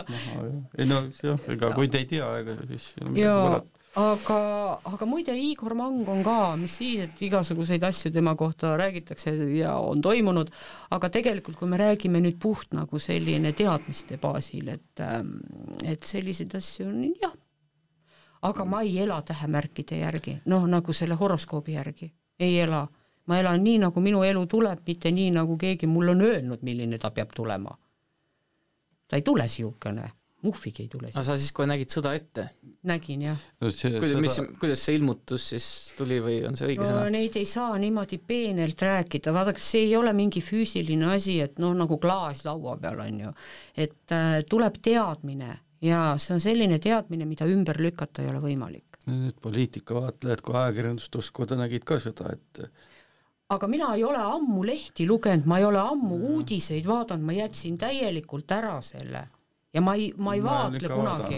aga ma ei oska niimoodi, vaata, ma ei, ma ei oska poliitika kogu see kammaia, mis neil käib, on ju, ja nüüd hakata selle pealt ennustama, minul ei käi need asjad nii. see ei olnud ennustus, noh, võib-olla siis Ei, no ka hea küll, mingisugune no, vaade tulevikku, eks ole. Ei no nad nagu Minul analüüsisid andmeid. jaa, nemad analüüsivad, aga mina näen. Ja ongi kõik, noh, tegelikult jõuame ühte samasse punkti. vahendid on erinevad, millega me jõuame. Markus, sa ka ennustad kuidagi vahepeal, kas, kas, kas tullakse kirikuõpetaja juurde ka ennustussooviga mõnikord või? et pane kaarte või et, või et ma tean, et on näiteks seda tehtud, et võtad piiblist mingisuguse suvalise koha lahti, paned näpu peale, et see siis peaks midagi mm,. jah, me ei, ma ei ole tegelenud ennustusega ja no muidugi jah, seda, et, et see salmi võtmine või ütleme, selle jumala juhatuse küsimine, et mm, eks seda on tehtud ja teha, tehakse pietistlikes ringkondades veelgi ja, ja jah, eks huvitaval kombel jah, mis huvitaval kombel, vaid eks, eks jumal peabki kuidagi inimesega kõnelema ja noh, ka see salmi võtmine on üks, üks variant olnud, kuidas siis seda jumala kõnet mõista. Ja, ja noh, seda muidugi tuleb teha ka sellises, selliselt, et mitte, mitte nii, et teeme ühe show ja vaatame, kuidas asi, asi läheb, vaid noh, olukordades, kus on tõesti tarvis seda jumala sõna kuulda. Ja ja noh, võib-olla see, see sõnum võib olla ka sel-, segane ja võib-olla tollel hetkel mitte meeldiv, aga, aga kui sa võtad selle vastu kui jumala sõnumina, siis siis äh, usaldad, et, et nüüd asjad viiakse siis äh, täide mm.. mul on üks väga lihtne asi, meetod, mida ma pakun kõigile. tegelikult äh, tulevik luuakse nüüd ja praegu. seega vaadake, mida te nüüd ja praegu teete, selle järgi palun väga ennustage oma tulevikku. see on niisugune pisikene niimoodi. uuel aastal saate vaadata, kuidas olete nüüd ja praegu aga seda, et noh, mis, mida siis, mismoodi mina tulevikku ennustan, siis äh, ennustan tegelikult piibli põhjal, et äh, et äh, see on nii-öelda ajalugu, inimesed, inimestel on komme käituda nii, nagu nad ennem käitunud on. ja et midagi uut ei ole siin taeva all. ja ja kui noh, inimest, eh, piibli järgi inimest õppida tundma, et seal ei õpetata mitte ajalugu, vaid seal õpetatakse inimest tundma. ja, ja, ja selle, just selle, selle inimese käitumist, inimese hoiakuid ja noh, muidugi seal ei saa panna siis paika selliselt nii-öelda aasta, aastaarvudega ja, ja vaid noh, seal võib lihtsalt kujundada seda tendentsi ja, ja mõista, et et nüüd siit edasi võib olla selline tee. et eh, niimoodi on noh, juba aastatuhandeid läinud, selline ring on toimunud, noh, kõik aeg paratamatult inimesed eh, käivad mingisuguse ringis. Eh, ma olen küll ütelnud, et noh, kui inimesed hakkaksid rohkem Jumalat usaldama, siis, siis nad jõuaksid võib-olla sellest ringist välja, aga, aga paraku lihtsalt see inimese mm, tarkus sinnamaani ei küündi et, et seda märgata ja meil lihtsalt on teatud mass, mass, kes siis selle, sellesse ringi ikkagi jälle tõmbab. mis see ring see siis on? noh, ongi selline ring, et tekib siis äh, nii-öelda, nii-öelda piibellikult paadumus, ehk siis selline inimeste ükskõiksus, tüdimus, noh lõpuks elukommete lõtvus, selline täielik... karmaring. Äh, noh, jah, karm, karmaring. sulle ikka meeldib tead kiusata sealt vahepeal ma mõtlen kaasa, muide mm. -hmm. et äh, see, see ei ole, tähendab karma, karmaring on see, et, et see, sellesse pannakse natukene seda äh, mm, seda, et inimene tõmbab iseendale, noh, tegelikult ega tõmbabki iseendale kollektiivne, kollektiivne karma, kollektiivne karma. karmaring, karmaring tähendab seda, et inimene pidevalt kordab ühte sama viga, ühte sama seda, vot nii nagu sa räägid, on ju et niisugune lõtvus ja, ja, ja, ja nii edasi ja nii edasi igast, igatepidi ei muuda mitte midagi, ei paranda mitte midagi ja nende tagajärjed kogu aeg muudkui tulevad ja tulevad, ongi nii. ja näed, nii üksikisiku kui ka ühiskonna tasandil. absoluutselt, see käib kõige kohta. kas ma võin korra küsida no, Markuse käest?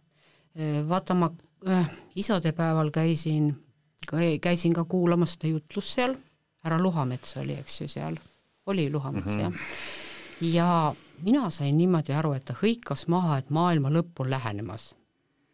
jaa, no ega vaata, seal on juba niimoodi, et juba ka kaks tuhat aastat tagasi, kui Jeesus tuli, siis, siis juba oli nii, et, et siis juba oodati, et nüüd maailma lõpp, sest Jeesus tuleb kohe tagasi ja isegi oli, oli selline lugu, et, et mõningad ei ole veel läinud puhkama ehk ei ole ära surnudki, et noh, tollel hetkel oli see nii aktuaalne ootus. aga noh, nüüd me ootame ka Kristuse taastulekut ja mm, ehk maailma lõppu siis. jah, ja siis nii, et aga see taastulemine on maailma lõpus, üldiselt vist teadlased on ka seda meelt, et maailm ükskord peab, peab lõppema, et see, see ring peab otsa saama, et kas ta siis kuidas see tuleb, noh, siin praegu me eh, oleme suures ootuses, kas tuumapommi plahvatatakse või mitte, on ju ja et kas, kas tuleb see selliselt, tuleb see teistmoodi või mis iganes, aga et Kristus tuleb kord tagasi, siis kui see maailma aeg otsa saab, et mitte siis inimesena enam, vaid nüüd juba uue, hoopis uue mm, uue loominguna, aga et see on siis see ootus või lootus, et, et siis nii-öelda sellest maisest jamast pääseb. Mm, et see on nii-öelda see, see rõõmuhetk, et, et siis tuleb see tõeline valgus, et praegu me oleme ainult valguse kumas, noh, nagu siin jõulude ajalgi on, et, et küll tuli tegelikult jõululaupäeval tuli päike välja isegi, see oli, see oli suur, suur ime, on ju. et aga, aga ime on just selles, et, et Jeesus tuleb siis sellise tõelise valgusena, kes ei ole seal pilve taga, vaid, vaid juba nähtav. ehk maa plahvatab no tegelikult on see ikkagi kogu, kogu univers-, kuni kogu universum peaks nagu kokku tõmbuma selle, selle mõtte järgi, mis siis piiblis on, et täitsa uus universum tekkima, et, et enam nagu sellest maailmast mitte midagi järgi ei jää. kuidas see tuleb, seda tegelikult ei kirjeldada piiblis, aga, aga vähemalt jah, et Jeesuse tagasitulek on siis selline, mitte praegu nii et järgmine aasta veel ei tule? järgmine aasta veel ei tule ja tead, see neid, kes siis panevad mingisugust maailma lõpu tärmineid, no see on absurd, sellepärast et siis nad ei ole piiblit lugenudki.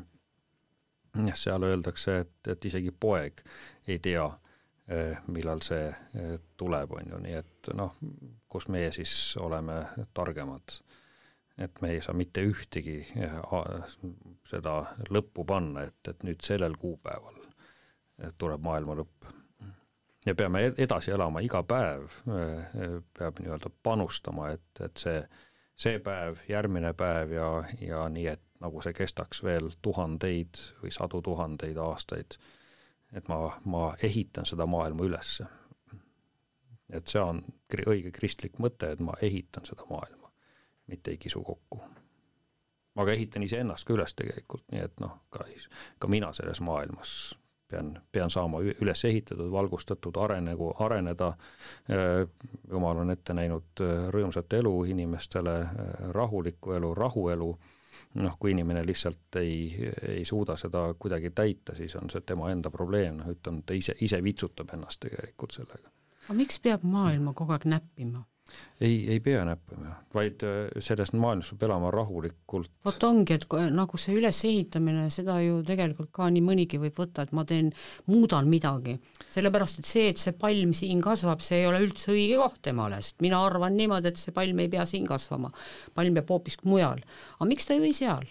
Et vot nagu need mm. näppimised, ma mõtlen, et miks peab kogu aeg maailma näppima ja muutma ja korrastama ja oma arusaamise järgi, mis tegelikult ei lähe harmooniasse absoluutselt maailmaga ei noh, ütleme, et kui sul nüüd ei ole just mitte midagi muud teha, kui see palm sealt ühest kohast teise tõsta. no see oli, siis... on, see oli väike näide, see palm, noh.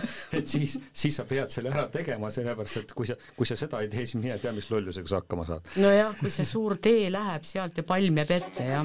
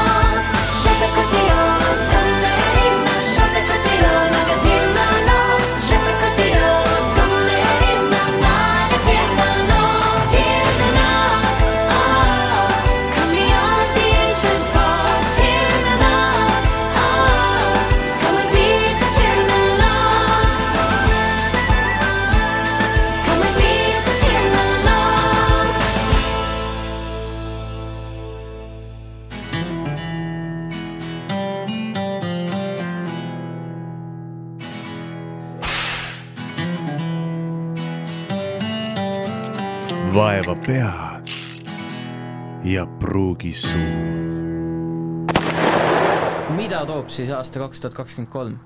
see saade on eetris kolmekümne esimesel detsembril, inimestel on mõtted seal, mina ka kunagi naersin selle üle, et no mis seal on siis, et kas maakera teeb ühe tiiru siis sellel hetkel, et see tiir saab nagu läbi, et see on ju suvaline, aga ma olen järjest rohkem kuulnud, et inimesed ikkagi sellel hetkel mõtlevad oma aastale tagasi ja mõtlevad ka tulevasel aastal, mida toob aasta kaks tuhat kakskümmend kolm? mina tahaks väga loota, tähendab, ma, ma ütlen, et ma, mina, mina ei ütle, mida toob, vaid mida ütlen, et mida ma igatsen, et ta võiks tuua. et äh, võiks tuua arukamaid inimesi, kes äh, kes mõistavad, kuidas seda maailma iseennast hoida ja, ja kuidas nii-öelda üles ehituda inimesena või inimväärikana ja, ja saada sellesse, sellesse valgusesse, kus, kus sa nii-öelda iseenda sisse rohkem oskad vaadata ja, ja, ja nagu iseennast äh, ka mõista paremini.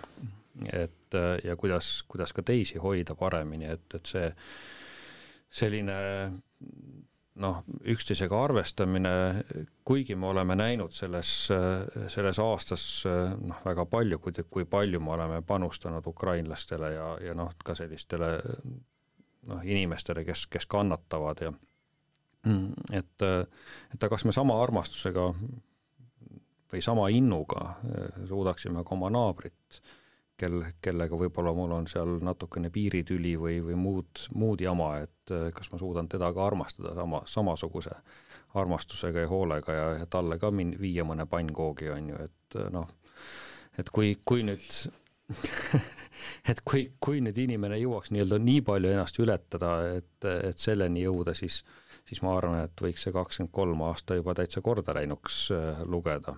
Ja, ja äkki see, äkki see igatsus äh, täitub? mina tegelikult äh, ka selles suhtes ühinen, et ma, ma, üks asi on see, mida ma loodan ja teine asi see, mis võib tulla, eks ju, et ma loodan samamoodi, et, et inimestes on rohkem südant.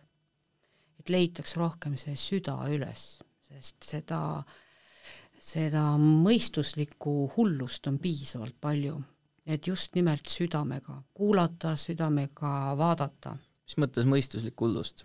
no seesama, mis praegu ümberringi on, vaat mida me räägime, arukuse puudumine ja kõik nii edasi, on ju, et tühjad sõnad, loobitakse, aga tegusid ei ole taga, on ju, noh, need on kõik ju tegelikult.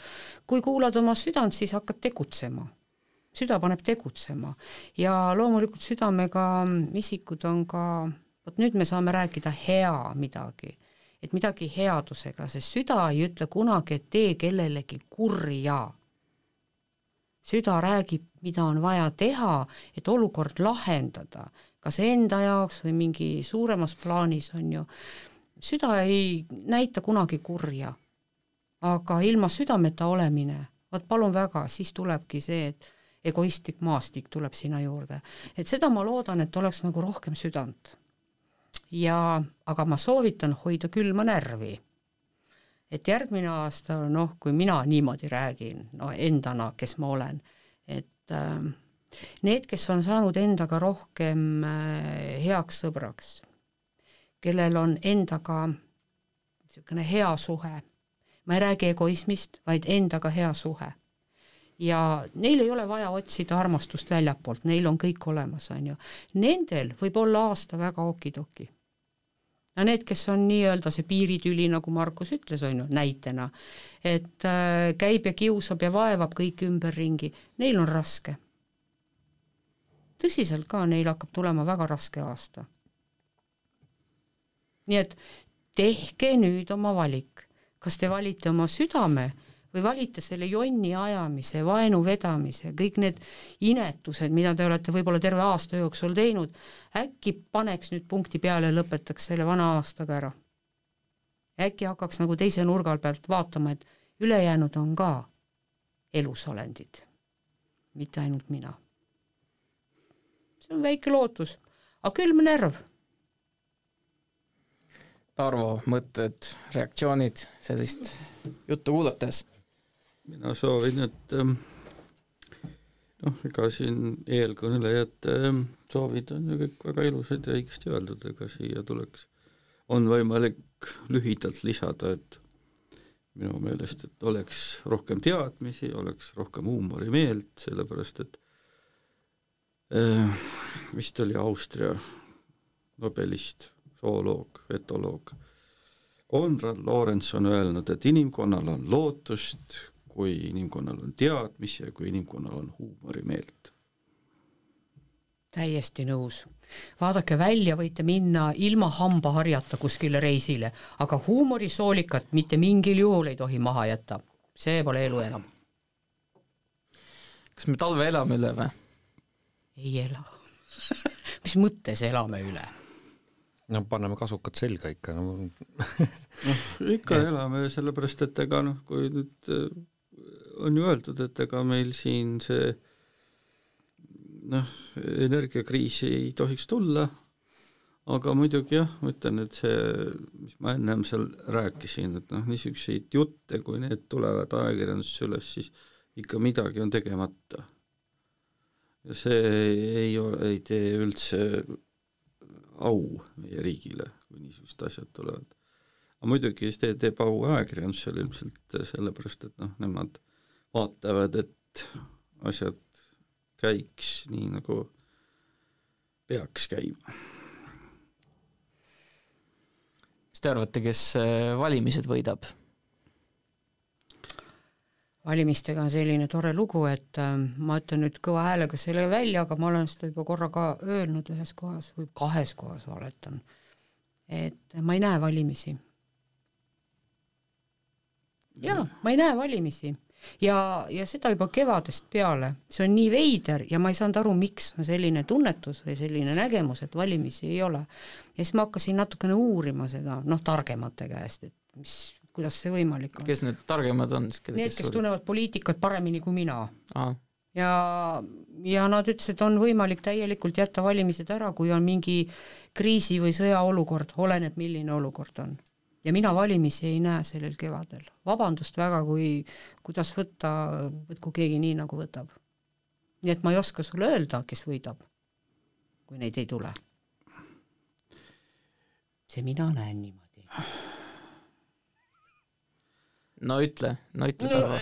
puhib niimoodi siin, et nüüd ei no see Riigikogu on lihtsalt koondpilt Eesti rahvast ja kui see valimised äh, toimuvad ja see Riigikogu saab valitud, siis Eesti rahvas on jälle ühe võidu kirja saanud ja noh, igalühel on oma eelistus. kindlasti tasuks kõigil valima minna.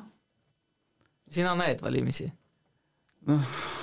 tema usub, et tulevad ma jah, see noh, nende nägemistega on niimoodi, et ma ei oska, seda peaks uurima, mis see nägemine üldse tähendab, noh siin kõrvalistuja puhul, et ähm, aga noh, ütleme, et, et on tulemas ja küll nad siis äh, ikkagi tulevad, nii et noh, ega seda maksa peljata.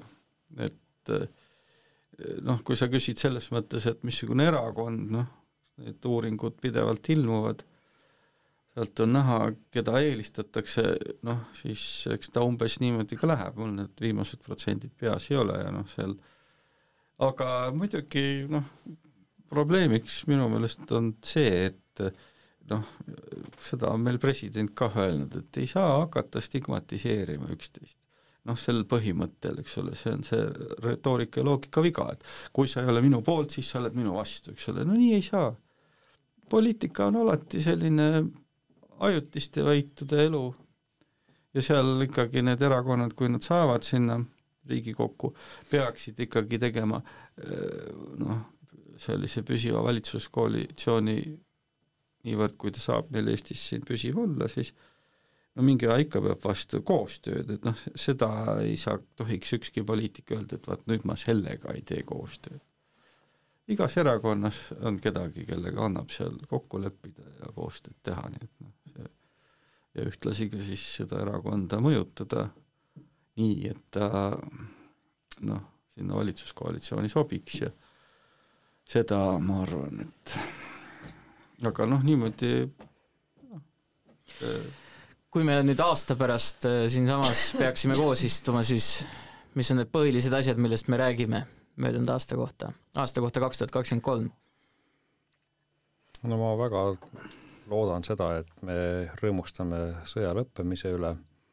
Mm,, rõõmustame äh, inimeste üle, kes on arukaks saanud. Mm,, rõõmustame hea valitsuse üle, kes on hakanud äh, kuulma Jumala nõuandeid, sest äh, seda iga pühapäev äh, Eesti kirikutes palvetame, et et meil oleks arukad valitsejad. Need on su lootused, aga mis sa arvad, mis saab päriselt? ja nii et ega ma elangi lootuses, et seda, et, et kui ma kui ma saaksin ütelda, mis saab, siis ma peaksin juba ajaloos olema, et inimene ei saa elada järgmises sekundis, päriselt ta saab elada ainult eelmises sekundis ja, ja et me võime küll kujundada mingisuguseid tundeid, midagi, midagi nii-öelda arvata, aga me ei saa mitte midagi väita ja nii et et ma, ma saangi ainult nii vaadata seda. no aga küsime siis Helvelt, et valimisi sa ei näe, mida sa näed? mitte midagi ei näe praegu. Praegu ma ei näe mitte midagi, kui sa küsid seda, et mida ma näen, eks ju, et aga kui me nüüd järgmine aasta samal ajal a la samal ajal saame kokku näiteks ja, ja nüüd vaatame tagasi, kakskümmend kolm sellel aastal ähm,, kuidas keegi hakkama sai, mina näen seda niimoodi jutuajamist. kuidas keegi hakkama sai. ja siis me saame ka kontrollida, kas valimised ja. jäid ära või? Väga tore on juba see, kui me saame järgmine aasta samal ajal siin kokku, on ju, see juba on suur asi mm. -hmm. sest elu on ju muutuv, ma ei räägi midagi halba, ma räägin lihtsalt, et noh, ühel hetkel tulevad hoopis teised, ruum näiteks võib teine olla ja me ei saa enam kunagi siin kokku, nii nagu praegu oleme et äh, nagu selles suhtes. aga mm, ise ma elan täielikult niimoodi, et loodan parimat, aga olen alati valmis halvimaks. ja siis vaatab.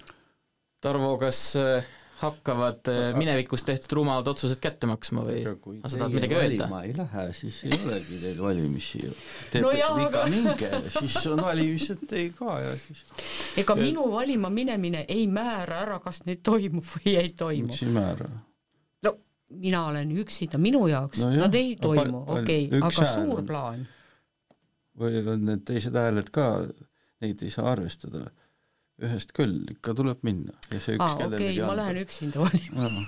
aga Tarvo, vasta nüüd küsimusele, kas hakkavad äh, minevikus tehtud need rumalad otsused kuidagi uuel aastal lähiajal kätte maksma? noh, Need kõik rumalad otsused, millest sa rääkisid, et valesti tehtud?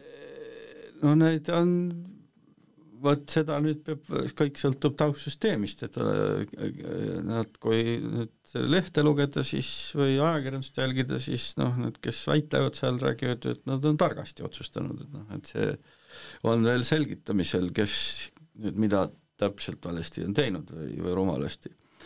aga noh, jah, mina loodan ka, et see õudne sõda seal on läbi, Postimehe otsestuudio andmeil on ka siis ehk ähm, seal üks Vene endine parlamendisaadik esines, üks ainsana, kes hääletas vastu seda, seda Krimmi hääletati sinna Venemaa koosseisu ja tema on nüüd loonud mingisuguse liikumise, mis siis äh, noh, sellist demokraatlikku, mis siis äh, kujundab ümber ka meil selle naaberriigi tulevikus loodetavasti niisuguseks normaalseks euroopalikuks riigiks, vähemalt plaan on. Inflatsioon vast on kontrolli all, küttehinnad on langenud. Inimeste jaoks, noh siis äh, äh, majandussurutist äh, niisugusena, nagu ta kaks tuhat kaheksa oli, ei tule. Äh,. ja noh, siis ikka igaüks on, saab omale elus koha leida, hoida seda, edasi arendada. me oleme hea sõnumi toojad siin. Teil on mõlemal elu on nii lill, on ju, et, et mul hakkab lausa piinlik, sest ma, ma püüdsin kainelt läheneda olukorrale, aga muidugi lootused on ju ikka. noh, ega me oleme ka ainult vett joonud siin. jah, ei tea midagi. no kuulge, aga soovige siis inimestele midagi head veel või siis halba, ma ei tea. otsustage ise, mis te soovite inimestele kaasa selle saate lõpuks. mina ütlen seda, et, et, et inimestes võiks kasvada tunnetus Jumalast, sest see on see alg, algjõud ja allikas. Nüüd olen siin jõulude ajal ütelnud, et, et lülitage see Jumala tunnetuse nupp sisse, et see on tegelikult meil kõigis olemas. ja sellega me päästame, noh, näeb ajaloos on päästetud maailma ja, ja kindlasti päästaksime nüüdki. ja, ja tahaks väga loota, et, et tekib siin selles maailmas, eriti võiksime Eestis siis olla need, need eesrindlikud, kes siis selle pöördumise teostame, nii et äh, pöördumist ja jumala kogemust, et äh, rahu võiks maailmasse tulla, eriti esmalt äh, meis endis ja siis seda me saaksime ka välja jagada, nii et rahu uude aastasse.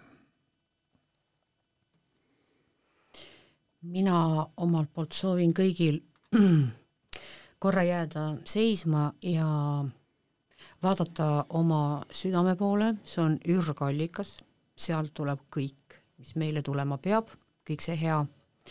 et ähm, hoidke oma südant, olge sellega üks ja terve aasta oleks teil südamevalguse aasta.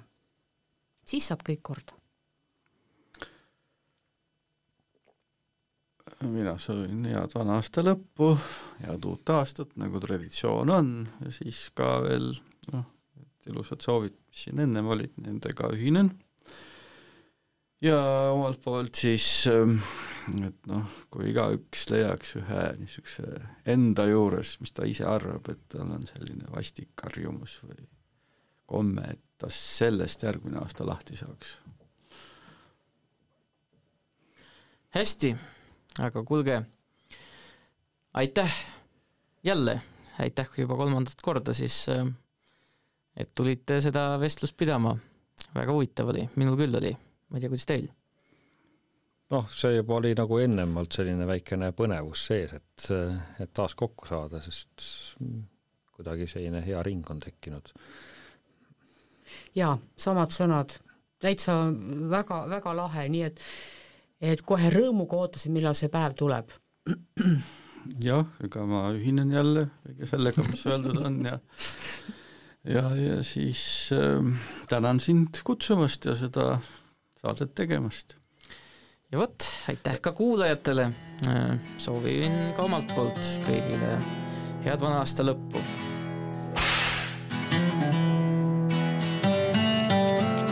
vaeva pead ja pruugi suud